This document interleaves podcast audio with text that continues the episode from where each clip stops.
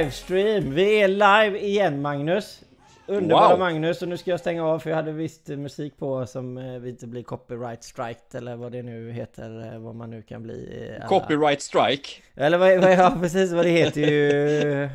Inte så roligt att man kan bli det faktiskt. Det kan man bli. Ja. Magnus! Vi, Ja. bör, alltså vi, måste, vi, börjar, vi börjar direkt. Alltså jag börjar med den, den SVT-nyheten eller text-tv-nyheten som kommer. Historiskt BNP-ras i Europa kan vi börja med. Eh, Mm. Och eh, liksom... Och i USA. Ja, och USA. Ja, USA ska vi ta. Vi tar USA sist bara för att USA eh, ligger längst bort från oss. Eh, men alltså vad säger vi om, eh, om jag menar det här, är- är det något konstigt? Eller att EU-ländernas samlade BNP minskade med 14,4 procent? Eh, Nej, det, Är det konstigt eller? Nej, det är inget konstigt överhuvudtaget. Jag är faktiskt förvånad att det inte var ännu mer, men eh, det beror på lite hur de prognosmakarna har gjort och sådär. Eh, så eh, jag kan tänka mig att det kommer bli ännu värre faktiskt. Ja, du, du tror att det kommer gå upp ännu mer, alltså själva tappet i sig blir ännu värre?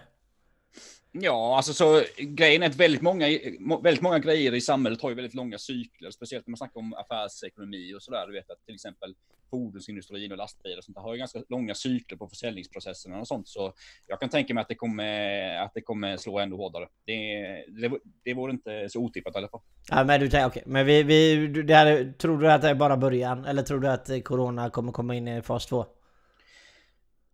Alltså fas 2 vet jag inte om, eh, man, man lyssnar ju på experter och sådär, de tror ju inte på någon fas 2 på det sättet vad det gäller viruset, att det, att det bara blir en fas istället då, så det, så det får man lita på de experterna som säger det kanske. Men, men jag tror ju, du vet jag har ju snackat om det här ett tag nu eh, med dig om eh, att jag har varit lite pessimistisk ju.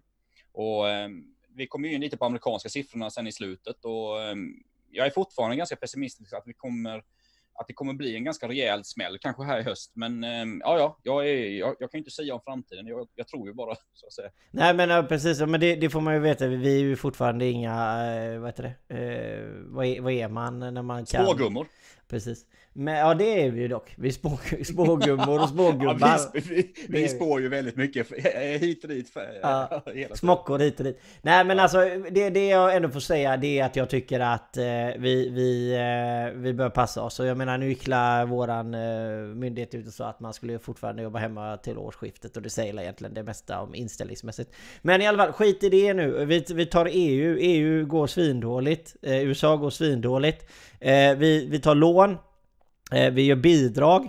Eh, och jag menar vi har diskuterat det här med, med lån och bidrag ganska mycket med att vi ska belåna svenska skattebetalare eh, eh, och, och framtida skattebetalare. Jag menar, jag, jag gick ut med ett inlägg som var ganska hårt men att eh, ska vi belåna våra barn? Alltså eh, och, och då tänker man vadå? Det, det är ju bara 6, 7, 8 miljarder liksom. Vadå bara 6, 7, 8 miljarder?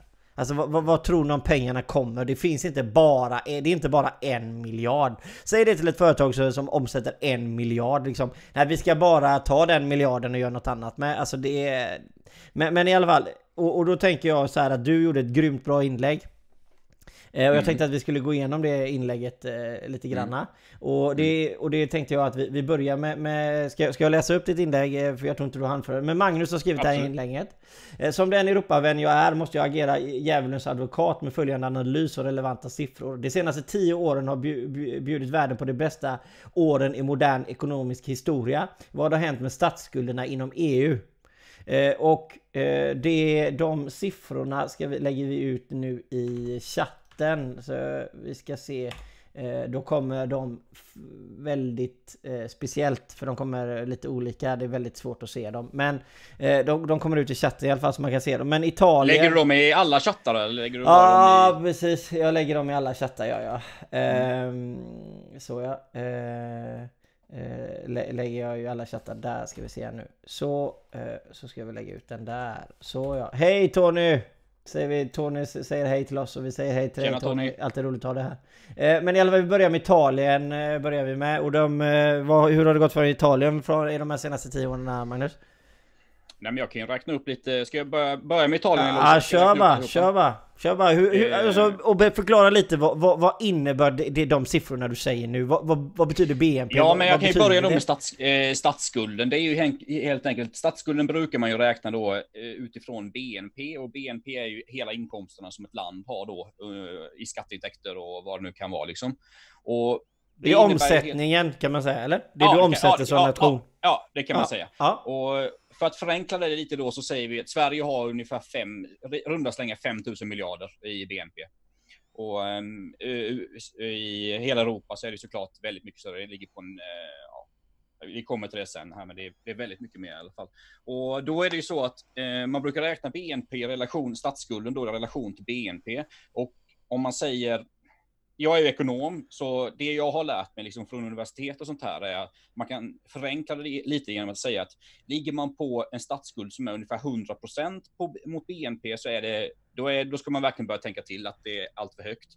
Ligger man upp mot en 120, 130, 140 procent, då är det liksom, då är det total kris. Eh, så, säger, så skulle man kunna förenkla lite. Bara för att du måste betala lån, räntorna blir så ja, dyra. Ja, liksom. precis. Alltså ja. ränt, räntorna käkar upp. Det blir så stor kostnad för staten. Liksom. Så du kommer, inte, du kommer inte lyckas få ner din, din statsskuld beroende på att du får så höga räntor helt enkelt. Och då blir det ju så att få, då får du låna hela tiden mer då för att kanske ja, betala dina räntor helt enkelt. Och om, Anledningen till att jag har tagit då 2010, mina siffror är från 2010 till 2019, det beror ju på att 2010 var ju efter fin förra finanskrisen, eller i samband med förra eh, finanskrisen, och då vill man ju jämföra det kanske då fram till 2019. Och varför har jag inte, 2019 beror ju på att vi har inga siffror från 2020 helt enkelt.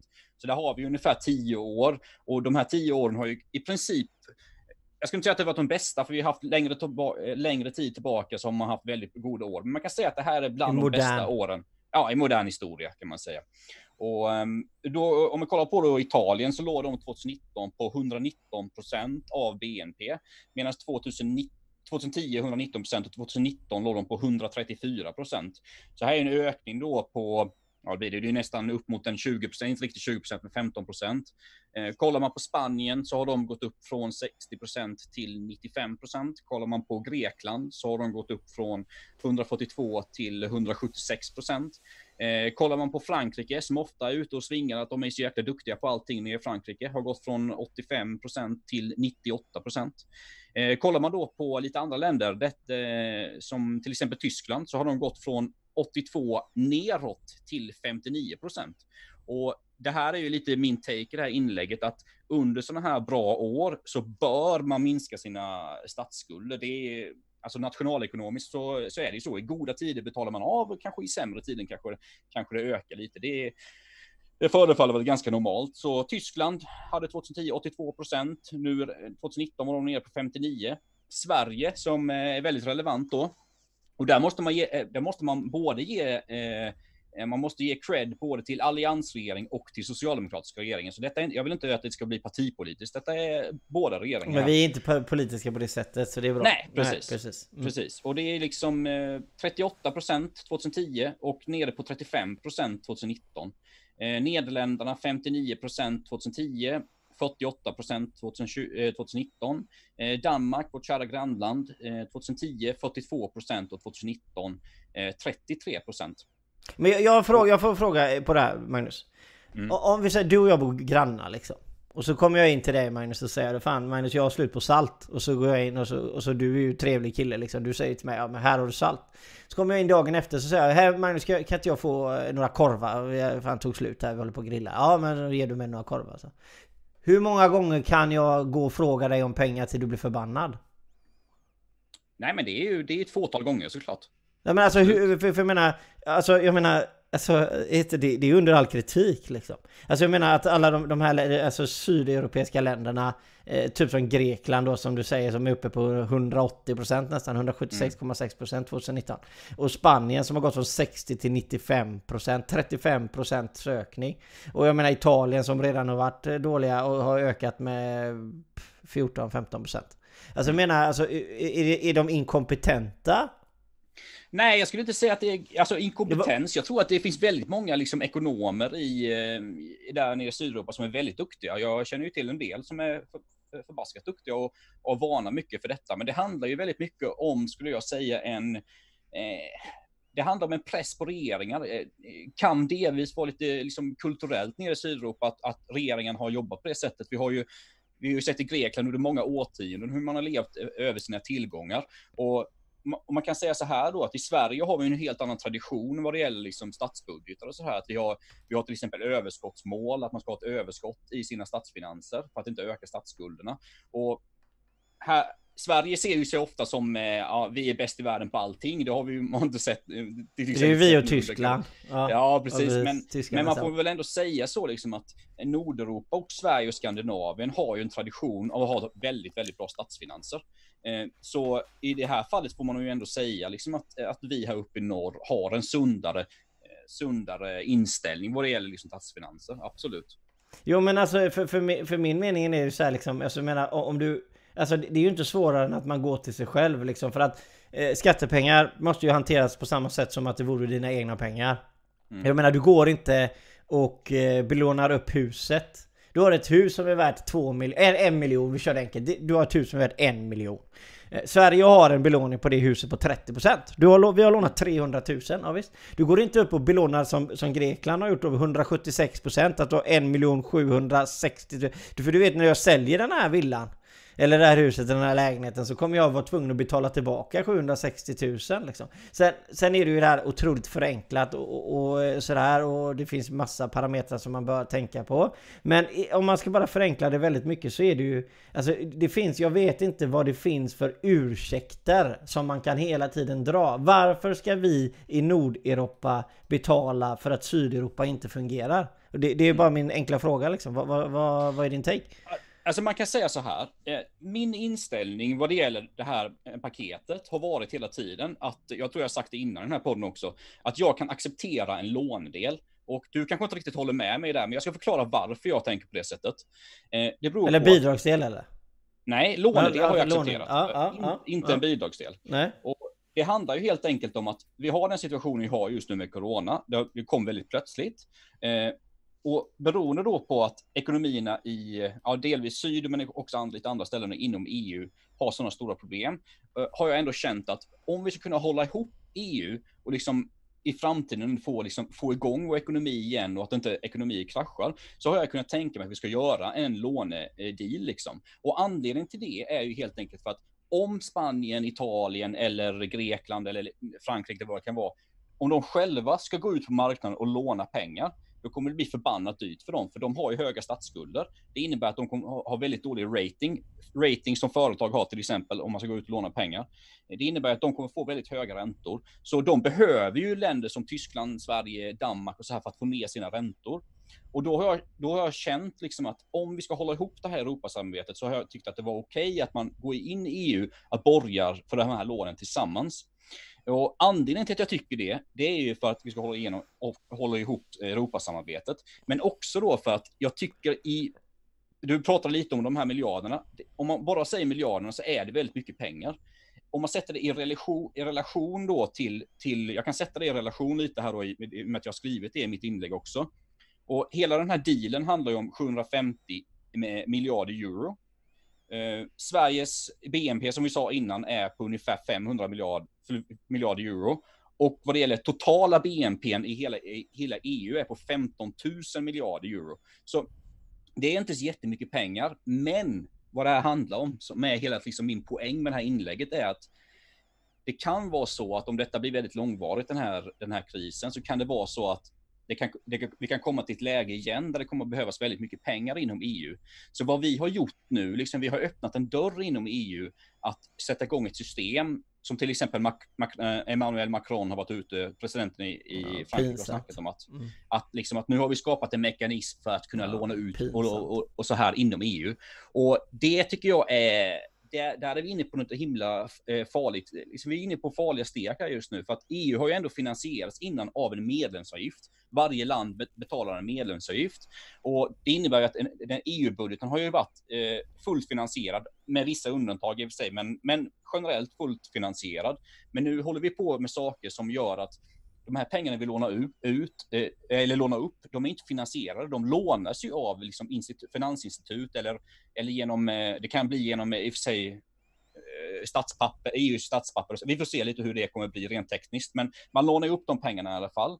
Och det innebär ju då att det inte är finansierat. Så de här pengarna ska ju tillbaka någon gång. Och då säger ju EU att ja, men vi kommer kunna hämta hem liksom intäkter nu i framtiden då. Och hur ska man hämta hem intäkter? Jajamensan, skatter på företag, digitala tjänster, vad det nu kan vara liksom. Så vi öppnar ju upp för något otroligt stort här genom att göra detta. Så är det. Och, eh, ska vi se här nu. Hans säger, är det inte detta stöd, inte det mer, är det inte mer, stödet mer utformat för att rädda euron och inte Sydeuropa? Eh, han har, Hans har ju en väldigt stor poäng här och... Eh, är inte det, inte det samma sak? Nej, men alltså, nej, nej, det... nej, jag skulle inte säga att det är samma sak. Men för det är ju ändå så att Sverige har ju med en majoritet röstat nej till EMU. Det gjorde vi ju för tio, drygt tio år sedan. Ja, men vi måste och, gå med. Att vi inte ska gå med. Ja men vi måste gå med, det, det vi håller papper på att vi måste gå med så vi kommer nu folkomröstning. Ja men alltså EU har ju som grundprincip att alla länder ska gå med i EMU på sikt. Ja, precis. Så man kan väl säga att vi har ju röstat för att inte gå med i eller EMU eller euron, euron just nu då liksom. Ja, det här, så det här är ju lång, lång tid framöver.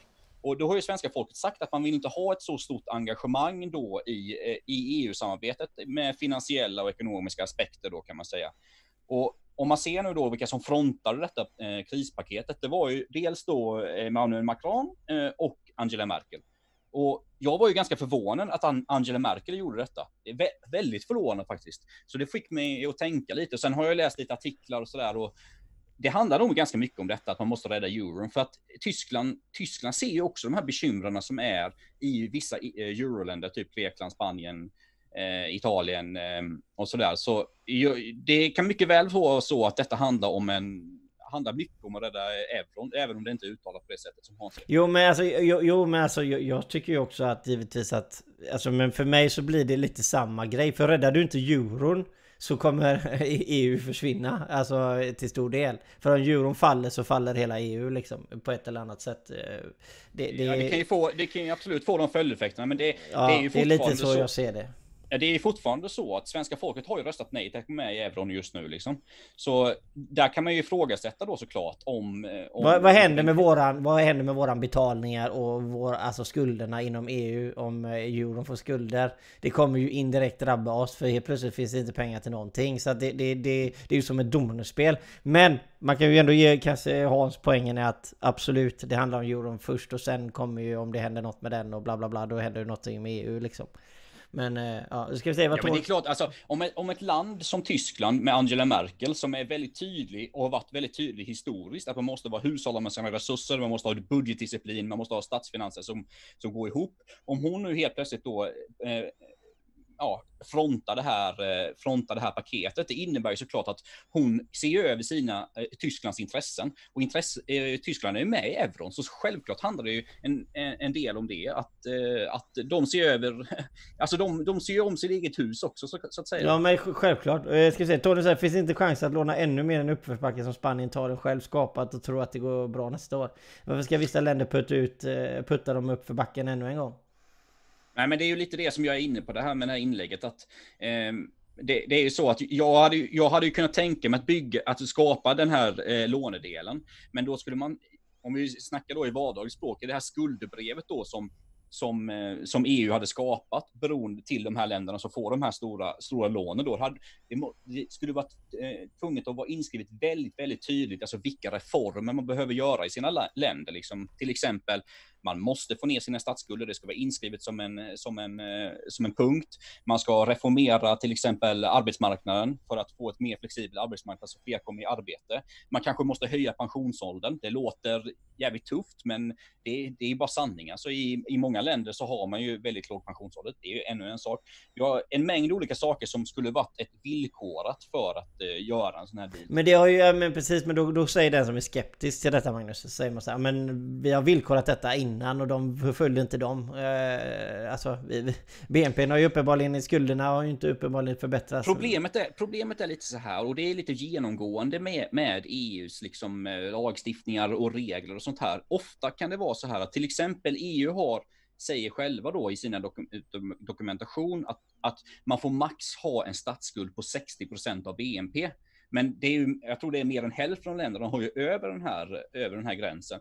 Men tyvärr är det så i regelverken så står det ofta så här inom EU att bör, man bör ja, inte precis. ha. Det är, det är inte ja. ett ska, det är ett bör. Nej, precis. precis. Och det, så är det väldigt mycket inom EU beroende på att du vet, alla, intresse, alla länder har olika intressen så här, så man får vara lite, kanske lite mjukare i, sin, i sina regelformuleringar. Men hur solidarisk ska du vara då liksom? Alltså, hur, ja, alltså det är lätt att vara solidarisk när det går bra och det är väldigt svårt mm. att vara solidarisk när det går dåligt. Men mm. problemet är att nu har det gått bra i tio år och fortfarande går det dåligt för vissa. Alltså hur, alltså, hur solidariska ska vi vara till deras förmåga att sköta sin egen ekonomi? Alltså jag förstår det och, och det här med Grekland eh, Det här med, de, de, alltså Grekland drog ju ändå ganska igång Det här är många år sedan nu när Grekland då försökte bromsa lite och typ eh, folket var ju uppror och Sen kommer det en ny regering på plats som säger att nej vi ska skita i vad EU säger och la la la. Så jag förstår ju att det är mycket intern politik också i nej, länderna det, och, liksom. och grejen är att det finns ju en väldigt stor skeptisk också liksom bland, bland människorna och väljarna och medborgarna i Grekland liksom. För för det, för det har ju varit regeringar i årtionden som har misskött liksom ekonomierna. Så att, så att viljan, alltså om man säger så, viljan att betala skatt i Grekland är mycket, mycket lägre än vad viljan är att betala skatt i Sverige. Beroende på att vi svenskar har ju mycket mer känsla att vi får mer för våra skattepengar, även om vi kanske har problem här uppe också. Men, men om man ska generalisera och jämföra de här två länderna så är ju viljan att betala skatt i Sverige mycket, mycket större än vad den är i Grekland, Spanien och Italien. Så det innebär ju helt enkelt att eh, svenska staten får in mycket mer eh, eh, skattepengar liksom, i relation till antalet företag och människor och sånt om man jämför då med sydeuropeiska länder. Så tyvärr har det ju, det har ju väldigt mycket med historia att göra och, och att det, det är inte, det är inte så att jag tror definitivt inte det är så att människor i länder i Grekland, eh, Spanien eller Italien, att inte de vill ha bra statsfinanser. Det vill människor, det är jag helt säker på. De jag känner där nere vill det. Men man har liksom inte förtroende för regeringen att de skapar detta. Liksom. Nej precis, men sen, sen är det ju det här liksom med att eh, alltså vi, betal, vi kommer betala mer för vi får mindre tillbaka än vad de andra länderna får. Av, av de här bidragen alltså, så vet jag inte procentuellt, det kommer säkert komma sen, jag vet inte om du har aktuella siffror på det. Men jag kan ju bara tänka mig att välbärdsländerna, alltså vi säger de länderna som har låg statsskuld, Eh, de som har lägre statsskuld de andra, de sköter sig bättre. De, de kommer få, få mindre av de här pengarna. De... Inte automatiskt faktiskt. Eh, det är lite konstigt här och det, det, är också, det har jag läst lite om också och eh, funnit ut att det är, dels är det ju de här med höga statsskulder så kommer ju få mycket bidrag såklart Italien, Spanien och Grekland och sådär. Men det är också länder som är ganska fattiga men samtidigt har låg statsskuld. Till exempel eh, Ungern, till exempel Rumänien och den typen av länder som, eh, som, som har ganska låga statsskulder faktiskt, men i regel är ganska mycket fattigare än Västeuropa. Så eh, jag tror, om man, om man ska räkna i vinnare och förlorare på de här bidragsutbetalningarna, eh, så om man nu ska prata vinnare och förlorare om det, jag vet faktiskt inte, men men man kan väl säga så här i relation till sina BNP och relation till sina storlekar på ekonomier så kommer ju såklart Sverige, Danmark, Nederländerna, Tyskland, Finland får väldigt mycket mindre än de som har väldigt höga skulder och kanske sämre ekonomi. Precis, men för sen är det här en sak för att alltså jag menar varenda företagare i Sverige eh, arbetar med saker och ting inom EU även om man vet eller inte. Alltså pryttlar du köper in. Alltså saker och ting som exporteras importeras. Du kanske inte exporterar någonting själv eller importerar någonting själv men du kanske köper av någon annan som gör det. Så att mm. alltså EU är väldigt inrotat i våran ekonomi. Alltså hur mycket vi exporterar och importerar som land. Absolut. Men det som eh, det här eh, hotar ganska ordentligt just den här typen av frågor är ju att varför, alltså jag tror att EU-vänligheten i Sverige kommer gå, gå ner eh, avsevärt desto mer sådana här vi går med på sådana här saker. Alltså för, för jag tycker oavsett Alltså oavsett hur solidarisk man ska vara så känner jag fortfarande inte att det finns ingen säkerhet. Alltså vem hade lånat ut pengar utan säkerhet? Mm. Alltså jag menar, jag känner bara det att jag tycker det är så dumdristigt så att Alltså det är så inkompetent gjort. Jag förstår att man kanske måste göra det för att rädda totala ekonomin. Men jag vet precis hur det är med den som vill ha pengar. Jag vet precis hur det är. Det, det, går en liten stund så kommer de igen. Och så kommer de igen och så kommer de igen. För att alltså det, det, det, blir liksom precis lite som du pratade om innan. Man öppnar en dum dörr, man sätter det i system, mm. det blir ett system. Och det systemet kommer tillämpas gång på gång på gång.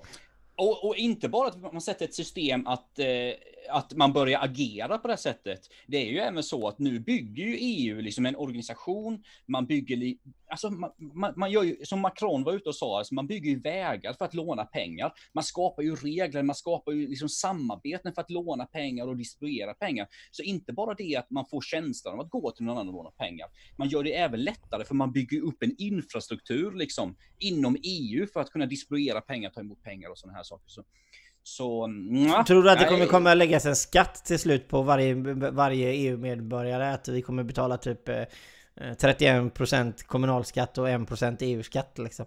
Alltså kanske inte precis på det sättet, men alltså, det är inte omöjligt. För jag menar, det finns ju länder inom EU som vill att det ska bli mer federalt, liksom en federalstat på det sättet att man ska ha kanske ja, en överstatlighet vad det gäller EU och sen mer federalstater. Det finns ju, det finns ju federalister finns ju som vill ha det på det sättet.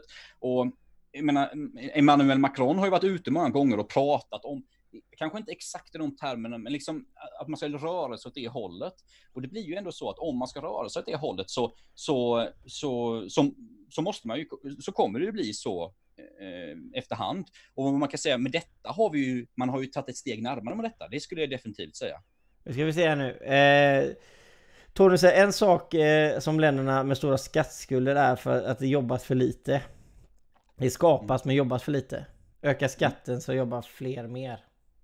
Mm, ja, alltså det, detta är ju lite, detta är ju ganska svåra frågor vad det gäller det, självklart. Det är ju svårt, alltså, i, ja precis som du säger, land till ja. land eller?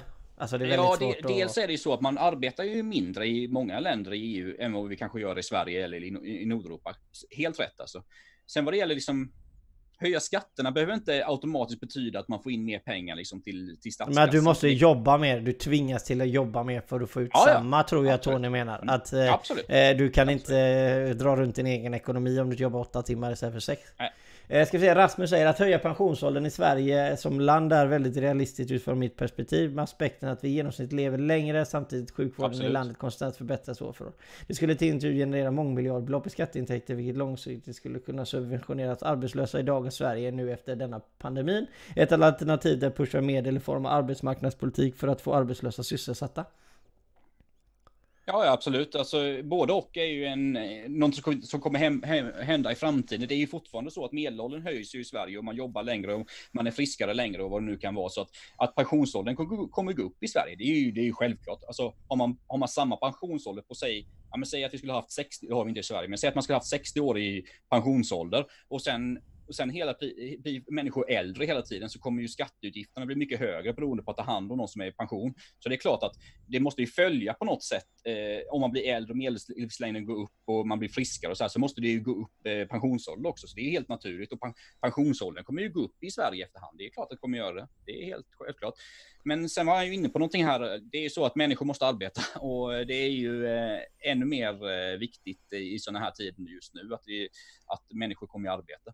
Absolut. Ja men eh, helst så är det helst när vi har så himla många nysvenskar. Eh, och de måste ju in i jobb eh, ASAP liksom. Annars eh, kommer annars alltså, det, det går inte att bära, bära människor som inte jobbar liksom för länge. För det kostar för mycket för samhället. Eh, så att det är klart att det, det är precis som Magnus säger. Mer jobb. Vi måste, alla, alla måste jobba liksom. Vi måste ha ner arbetslösheten, inte upp arbetslösheten. Sen är ju den här pandemin som den är och vi har... Jag vet inte, har du kollat på de senaste siffrorna eller? Det är upp mot... Det var 9,6 senast när jag tittade på arbetslösheten. Jag vet inte om det har kommit några nya. Jag vet inte om det har kommit några nya siffror, men vi ligger väl någonting där liksom. Och den kommer väl, den kommer väl krypa sig uppåt liksom efterhand. Ja, precis. Eh, Piglyx röstar för 6 timmars arbetsdag. Absolut. Va, vad sa du? Eh, Piglyx röstar för 6 timmars arbetsdagar. Ja, det... ja, men alltså det är ju så här, jag menar, ju mer liksom digitalisering och framtiden eh, kommer igång i världen och i Sverige och så här, så, så är det klart att eh, det är klart att då kanske man då kommer kunna gå ner i arbetstid. Jag menar, arbetstiden i Sverige har ju gått ner successivt eh, de, de senaste årtiondena. Liksom, så ja, men varför inte? Det är bara, bara man får ekonomi det, så Jag säga. är fett emot att gå ner, det ska jag påtala. Alltså, det... det jag, jag, tror inte det fungerar liksom. Jag tror att det kan funka i vissa branscher tror jag. Men jag tror att generellt sett så... Vi har det så fruktansvärt bra ändå. Alltså du vet, alltså, vi, vi hinner med ganska mycket eh, ändå i våra liv. Eh, kan jag ju tycka. Så att det är inte så att vi jobbar på... Vi jobbar ute på fältet, håller på så här, på, och, och sår mark som vi behöver göra 24-7. Men jag kan förstå att man har den åsikten. Men jag tror att man har man den åsikten så tror jag att man har mindre koll på nationalekonomi. Eh, jag tror att desto mer koll du har på nationalekonomi desto mindre belägen är du att gå ner till sex timmars arbetsdagar. Jo, jo, men detta är ju ingenting som, alltså det, det är ingenting som jag tror kommer gå över en natt. Man kan ju inte bara liksom, ja, vi går, nu går vi från åtta timmar till, till sex timmar. Det är ju ingenting som går över en natt. Men jag menar, om man kollar tillbaka i tiden, jag menar, ar, arbetstiden har väl ändå gått ner liksom sådär. Så det, så menar, ja, men vi har ju fått, det är arbetstidsförkortningar och det är... Ja, men liksom så på lång sikt så är det ja. väl ingen omöjlighet att det kommer bli så. Jag menar, det, jag menar vi kan ju till med, med den digitalisering vi har i samhället med artificial intelligence och allting. Jag menar, om hundra år kanske inte människor behöver jobba överhuvudtaget. Liksom, så kan det ju vara, det vet man. Nej men det är ju det som, det är det som problem, det största, precis. Där sätter du fingret på någonting som är i framtiden där. Du Johan. Vi jobbar mindre. Eh, ja. Nu börjar mina batterier ta slut så jag springer hem till min laddare bara så snackar du lite, okej? Okay? Ja, ja, det, är, ja. det är ett stort problem som är så väldigt, väldigt långt fram. Men det är så här att det, ja, men människorna vill jobba mindre. Då sätter vi in maskiner som jobbar mer. Och desto mer maskiner jobbar desto mindre behöver människorna jobba. Till slut så har inte vi några jobb för maskinerna har tagit våra jobb. Eh, alltså jag menar, och det är liksom visst man kan tycka att oj herregud så där kommer det aldrig att bli. Det blir mer och mer så. Det är självskanningar och det är automatiska processer i fabriker och man behöver en maskinskötare. Men man behöver, alltså, det blir mer och mer så hela tiden. Så jag vet inte, det är... Det är farligt det här med att eh, be om för mycket för man vet inte riktigt vad det händer i slutändan faktiskt. Så att där... Eh, Ja, jag, är, jag är stark motståndare till det faktiskt. För att jag tror även där med, nu där med hempermitteringarna. Och då har vi sett så här nu när människor har, har, jobbat mindre. Och nu kom det ut, eh, gick det ut forskare idag. Eh, och ville göra en undersökning på vad det här har inneburit. Med att man har gått ner då i arbetstid. Eh, och man, eller inte arbetstid håller på att säga. Men att man har gått ner och jobbat på hemifrån istället från, från kontoret. För att innefatta vad det, vad liksom det innebär. Vi har pratat om det här tidigare och jag är ju en jag har ju en personlig, personlig åsikt att jag är inte alls en, en förespråkare till att man ska jobba eh, hemifrån. För att jag, det här med... Eh, alltså, man, som arbetsgivare så ska du ha kontroll på hur personalen mår och alla mår och allting sånt här va. Och jag tror att det är svårt att göra om man inte träffas face to face alltså. Jag tror att det är farligt att ta bort den, eh, den här eh, fysiska kontakten när man tittar varandra i ögonen. För även om jag och Magnus till exempel zoomar en del så, så blir det aldrig samma sak som att man sitter och skakar tass. Även om vi kanske inte får skaka tass nu Magnus. Men eh, jag, jag, tycker det är så. Men i alla fall med EU, eh, vad, vad, vad, är, vad, är, vad är ditt svar Magnus då? Vad ska, vad ska vi göra? Nej, men mitt svar är väl egentligen så här. Jag, jag slutar i mitt inlägg med det och jag tycker den, den är väldigt, väldigt relevant i sådana här tider. Men jag har varit ute och skrivit ganska mycket om demokratifrågorna just nu som vi ser runt om i världen. Vi har ju Hongkong och i Thailand och vi har ju Turkiet och vi har till och med kanske i USA nu där Trump är ute och twittrar att han vill flytta ett val och hit och dit sådär. Demokratin är så jäkla viktig i kriser och det är ändå så att det här eh, godkännandet från Stefan Löfven liksom nere i Bryssel det, det kom ju till genom att man, man pratar med EU-nämnden i Sveriges riksdag då och det har ju varit ganska mycket snack om det där hur, hur det här kom till och hur informerad EU-nämnden var och sådana här bitar. Jag skulle gärna vilja att i framtiden, den här typen av frågor. För den här typen av eh, frågor är så himla viktiga för Sveriges framtid.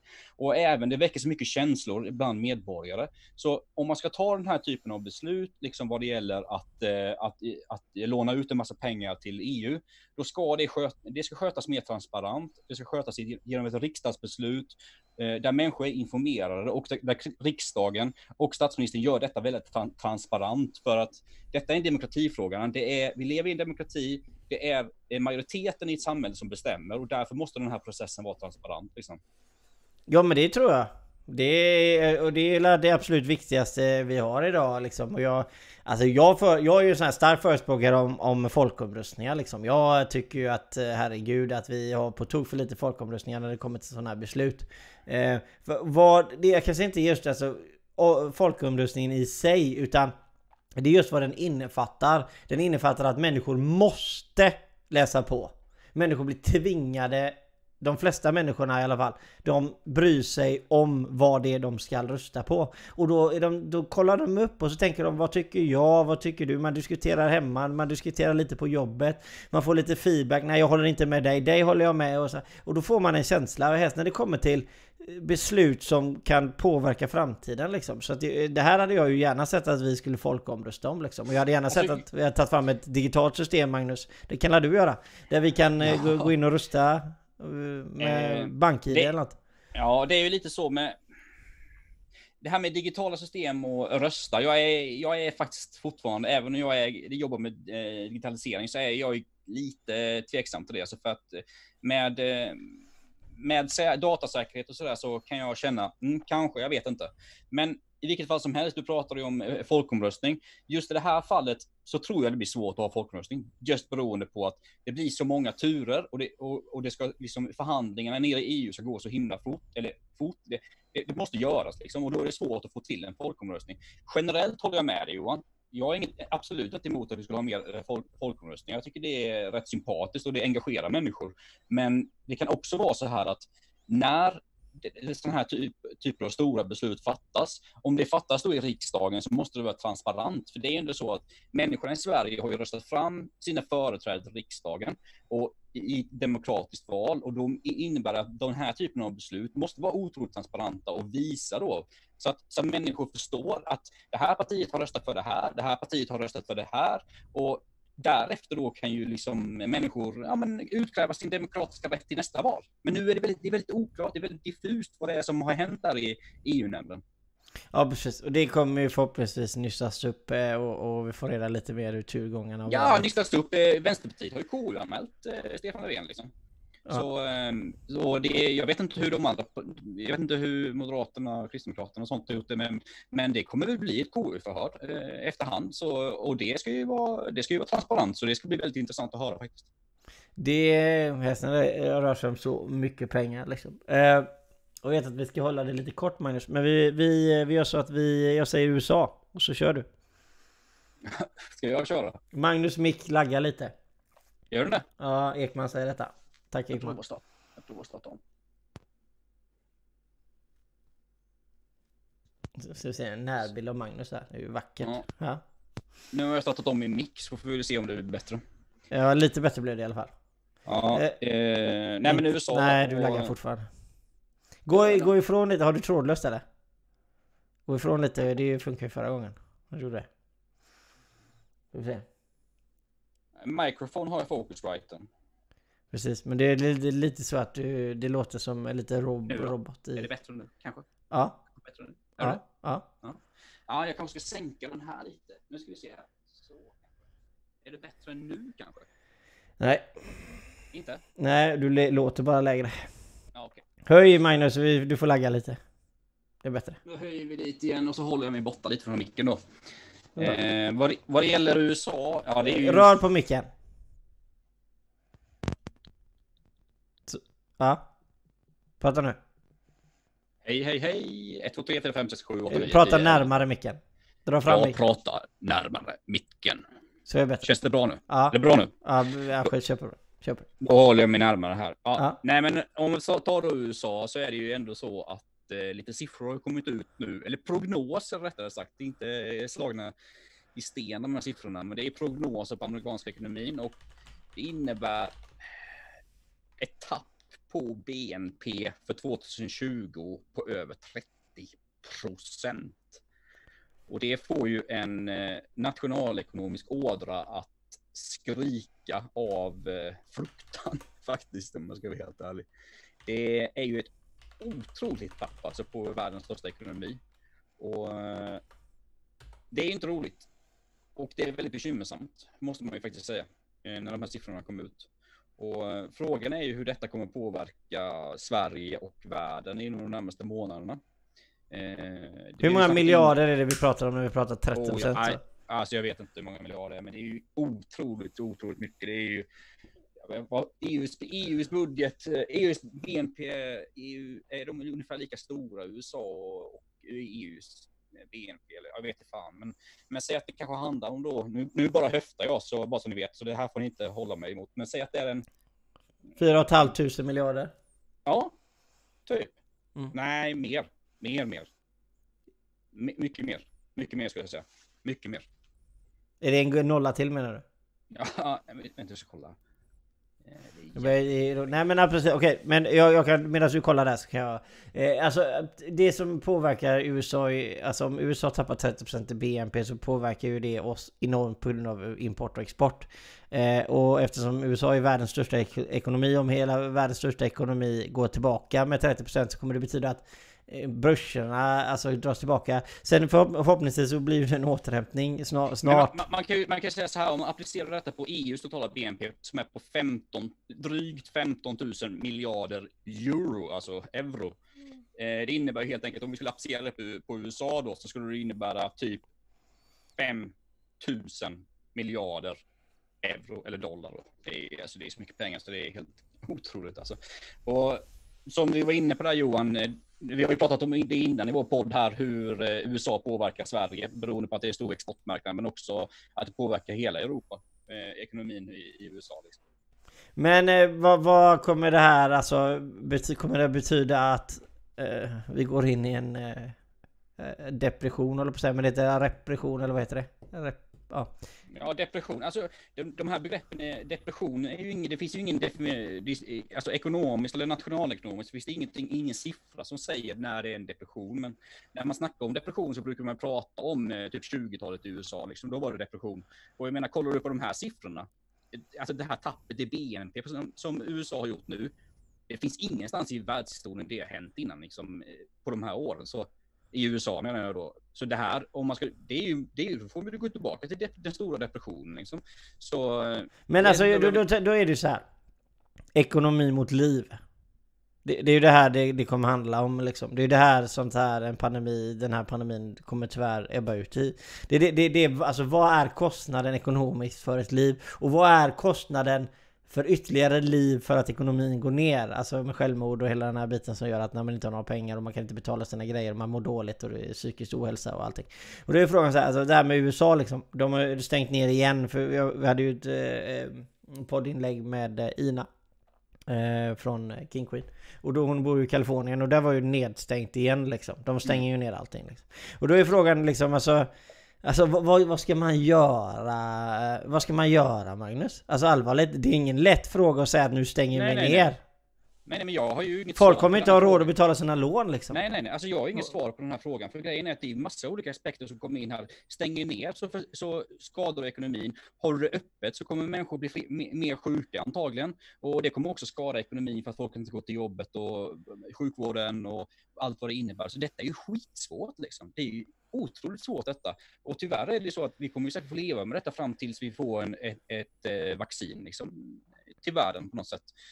Eh, men också sen är kulturell, det är en kulturell skillnad och då pratar jag om svenskhet och att vara svensk. Och att vara svensk är att vara lite mer passiv och att lyssna faktiskt på myndigheter och ha tilltro till, till stat. Och det, det, är svenskt att lita på sina myndigheter. Det, det, det är en hel del till att vara svensk. Och därav så har vi klarat att hålla det öppet på grund av att vi är svenskar. Det funkar inte i USA. Uh, och det, det, det, de har inte samma kultur som vi har i Sverige. Därför fungerar inte det. Och då är frågan Magnus, om du är diktator, det är man ju inte, men du är president i USA. Och, och, och, du har ungefär 30 sekunder både nu och, berätta liksom. Vad hade du gjort om du hade varit tvungen att göra någonting nu? Och eh, hela staben kommer in i rummet. Magnus, vad gör vi? Du måste besluta vad vi gör nu. Fy fan vilken svår fråga du ställde mig nu alltså. Ja men du måste, du, har, du måste. Nej men jag, alltså grejen är att jag tror inte man kan stänga ner hela, hela samhällen i USA på det sättet under, längre tid. Jag tror det är omöjligt. USA som du var inne på innan. Alltså det finns en sån libertariansk ådra i USA som är med friheten. Den är otroligt stark. Liksom. Så jag tror att du hade fått ha, du hade fått ha ett eh, du hade fått ha ett samhälle där du, får, där du får stänga ner vissa delar väldigt eh, tydligt. Liksom. Och det är ju väldigt svårt i USA, för det är, det är ju en, federal, eh, det är en federalstat, så det innebär ju att de olika guvernörerna och eh, och eh, vad heter det, mm, mayor på engelska, borgmästare, har ju väldigt stor makt i USA. Medan presidenten kan, har ju inte liksom den möjligheten att bestämma eh, över alla olika delstater, eller som man kanske har i Sverige då. Så detta är en otroligt svår fråga. Eh, så jag tror att man måste göra så att man måste stänga ner vissa punkter, alltså när det här sprider sig till vissa ställen. Och eh, mer, än så, jag menar jag har inget svar på detta Johan, det, detta är skitsvårt alltså. Det, och detta kommer vi få se under ganska lång tid antagligen och säkert, säkert alltså i Sverige också med tiden inom några månader att det kommer blåsa upp vissa ställen liksom. Ja men alltså jag, jag måste ju säga alltså, du vet, eh, jag brukar ju, det blir så här hiss eller diss, eller fniss.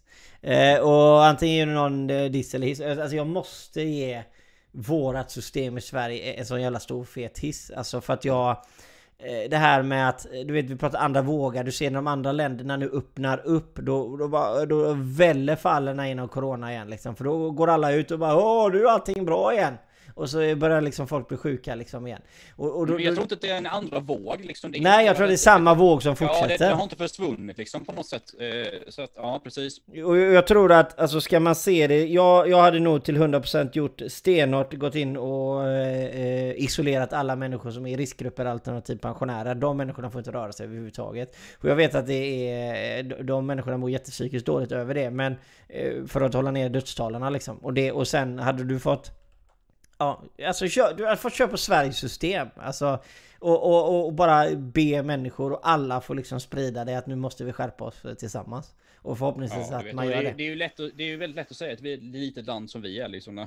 Om man jämför med USA då som till och med har, vad fan har de? Tio tidszoner liksom. Så eh, det, det, det är jättesvårt detta alltså. Det ja, jag, jag, säger, jag säger det, det, det applicerar Sveriges system överallt. Alltså om jag hade fått, mm. om jag hade haft 30 sekunder på mig att ge ett svar. Mm. Så, mm. Men antagligen hade det fallerat så hade man själv blivit hängd eller något. Nej men alltså vi har ju varit inne på det innan i den här podden Johan. Du och jag har ju varit väldigt glada för att liksom, vi har haft ett, ett, ett, ett öppet samhälle och så här, liksom vad det gäller näringsliv och sådana här bitar.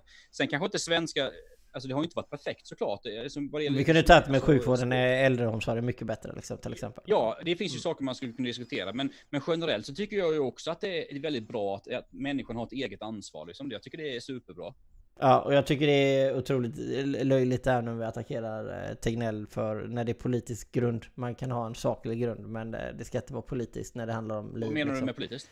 Nej, men alltså man har sett parti, parti, parti eh, det ena och det andra som har liksom haft åsikter och det ena och det andra liksom, ja. ja. Och det tycker jag är helt fel. Utan allting handlar ju liksom att eh, man måste ju se till, till, till liksom nästa steg då. För jag tycker att det visar sig bara mer och mer att det Tegnell har sagt är jävligt bra liksom. Alltså tycker jag personligen liksom. Så att jag eh, Ja, jag var ganska mycket diss mot honom i början. Jag tyckte vi liksom så här, det känns inte bra liksom. Men nu när det liksom luckras upp och man ser hur omvärlden är så, mm. så inser man liksom att det var jävla bra. Nej men jag tror, jag tror så här liksom, vad det gäller, vad det gäller svenska strategin och jag, bruk, alltså jag brukar inte uttala mig så mycket om Tegnell generellt, för det är ju ändå folkhälsomyndighet. Så jag brukar prata mer om folkhälsomyndigheten liksom. Och det är ju ändå så att det viktigaste tror jag som, som, som vi behöver ha i ett samhälle, det är ju ändå att vi diskuterar saker. För det kan jag känna att har varit lite problematiskt att diskutera saker fram och tillbaka. Och det som du säger, det ska inte bli politiskt. Liksom. Vi, vi ska diskutera för och nackdelar med olika åsikter. Liksom. Och, men som sagt, vi, man ska... Man ska jag skitlar om du håller på Malmö liksom, och jag håller på IFK Göteborg och jag vann mm. Svenska cupen liksom. Mm. Ja. Ja just det. Nej du kom den upp. Men vi ska, vi av, Magnus jag vet att du måste sticka men vi, Rasmus kom på en, en snabb fråga som vi avslutade hela med. Eh, hur ser ni på att Ama, Amazon möjligtvis kommer etablera sig i Europa och vilka för och nackdelar ser ni på den saken? Ja, Europa är de redan etablerade i. Sverige kanske han menar då? Ja, jag tror att de menar så. Ja. Ja, i Europa är det, finns ju Amazon, Amazon redan, både i Tyskland och i, England. Liksom. Men i Sverige, åh fy fan, det är spännande alltså. Eh, jag måste säga att det är riktigt spännande, för jag är jag måste personligen skulle jag bli väldigt sugen på att testa Amazon Prime, det här eh, kundlojalitetsprogrammet som de kör. Men det är klart, det innebär ju också eh, risker för småföretagare och för eh, eh och för andra bolag, e-handlare i Sverige. Men alltså konkurrens, jag är ju marknadsliberal. Konkurrens är bra liksom. Eh, och om jag, jag känner lite, jag har lite polare i USA som använder sig av Amazon Prime och de säger att det är så jävla bra alltså. Så jag tycker det är lite spännande också. Jag Sandra, jag håller med Sandra, vi får mer jobb, eh, självklart. Det är en mm, jättebra Absolut. aspekt. Jättebra Precis. aspekt. Och, eh, eh alltså sen är det så här att det, det, finns, jag är för det. Sen är jag ju... Det, det enda som är den största nackdelen med det, det är när man får eh, företag som har större BNP än flera länder ihop. Eh. Det skapar ett dilemma. Men eh, vi ska inte ta upp dilemmat just nu. Eh, och men det, alltså, det är ju ingenting, vi, vi kan ju inte göra någonting, Nej, vi har ju en fri det, marknad liksom. Precis, och, och, det är som det Det är ingenting vi kan göra, vi kan inte göra någonting åt. Och, men som, som sagt innan, de erbjuder otroligt fina tjänster vad det gäller hemleveranser och leveranser av många olika typer av mat och streaming och vad det nu kan vara. Så jag är, jag är taggad alltså. Magnus astaggad. Jag är all, men jag är positivt negativ som alltid. Ja, men du är konservativ och jag är liberal. Ja, precis. Jag ska säga, nej men eh, Anders säger vad tycker ni om globalism? Eh, Anders, den frågan eh, eh, tror jag att du kommer få svar på om du lyssnar mer och mer på... Både för, både för och nackdelar skulle jag säga. Ja, typ så. Vi är både för och emot det. Vi är ganska eh, nyktra när vi, så länge vi inte, så länge vi inte har druckit. Eller, eller vad är det man... Ja, det blir ju ingen GT idag. Ja, ingen GT idag. Det är ditt fel. Eh, ja, jobbet ju. Det... Ja, men Magnus, om vi avslutar podden, vad var några avslutningsord? Ja, jag ska ge dig ett avslutningsord. Ja. Idag har hänt något väldigt stort i mitt liv faktiskt. Berätta. Jag har köpt en iPhone. Alltså jag har aldrig ägt en iPhone i hela mitt liv. Jag har bara haft Android. Men i och med att jag jobbar med digitala, Thulin Digital, ni ser mitt företagsnamn, vad fan, där bak. Ja. Eh, så eh, det är ju så att jag jobbar med mycket olika digitala tjänster och jag måste ha en iPhone för att se hur de digitala tjänsterna uppträder i en iPhone. Så det här är faktiskt, för mig är detta jäkligt stort. Det, det skär i mitt hjärta att jag var tvungen att köpa en iPhone, men det har jag gjort idag. Alltså jag tänkte säga att, alltså ja, jag är ju, ja, ja, jag ska inte säga något. Jag har frugan har iPhone så jag kan på det sättet gå in och titta. Men jag behöver ju också ja. göra det nu med appar, äh, texter. Ja, alltså jag var tvungen. Alltså det går inte alltså. Jag var tvungen. Men jag kommer ju såklart ha min eh, kära Android-telefon också. Ja, och Rasmus, vi förstod att du menade Sverige även om du skrev Europa. Det är eh, no hard feelings, eller vad säger man Magnus? Och no man, hard feelings på den. Ja, och sen så får jag hoppas att ni får en otroligt... Eh, ja, nu kommer det in en sista som vi kan ta. Om posten hade köpts av amerikanskt företag istället för dansk Postnord, hade ni varit okej okay med detta? Eh, vadå för något? Om Postnord hade köpts av ett amerikanskt företag, hade du varit okej okay med det då? Ja, av ett amerikanskt företag. Alltså det, det, är ju så att vi har ju avreglerat liksom postverksamheten till det privata. Även om svenska staten är stora ägare i, i, i, i Postnord. Men, men som, för, för svar på din fråga Anders, så, så eh, Titta gärna på de tidigare avsnitten för vi har pratat om detta, alltså de här med, eh, vad heter det, eh, SAS, alltså med eh, mm. vitala funktioner för samhället. Vi har, vi har diskuterat den här frågan ganska ingående och vi kan säga så här att vi är inte jättepositiva när utländska eh, företag eller det ena och det andra, helst just under diktaturer då, vi pratar om Kina, eh, levererar viktiga vitala funktioner i samhället. Eh, så att det, det, det, finns ju både hiss och diss, men mest diss när det kommer till vissa funktioner. Och jag tror att vi inte hade varit okej okay med att eh, utländska företag hade tagit över. För, han, kan väl, alltså. han kan väl ställa den frågan nästa vecka? Ja, ställa den frågan nästa vecka. Ja, Absolut. Jag tycker den är intressant och jag är, jag är lite positiv till den, så det tar vi nästa vecka. Ja, precis. Ja, men skitbra. Och nu, glöm inte att ha en förbannat trevlig helg. Och gör nu ingenting som inte jag hade gjort. Ha det gott. Fan, det var länge sedan vi såg fysiskt nu Johan. Vi får eh, ta en GT ihop eh, snart tycker jag. Ja, coronakris. Mm. Men eh, ha det gott allihopa. Hej, hej, hej, hej. Ska vi se nu.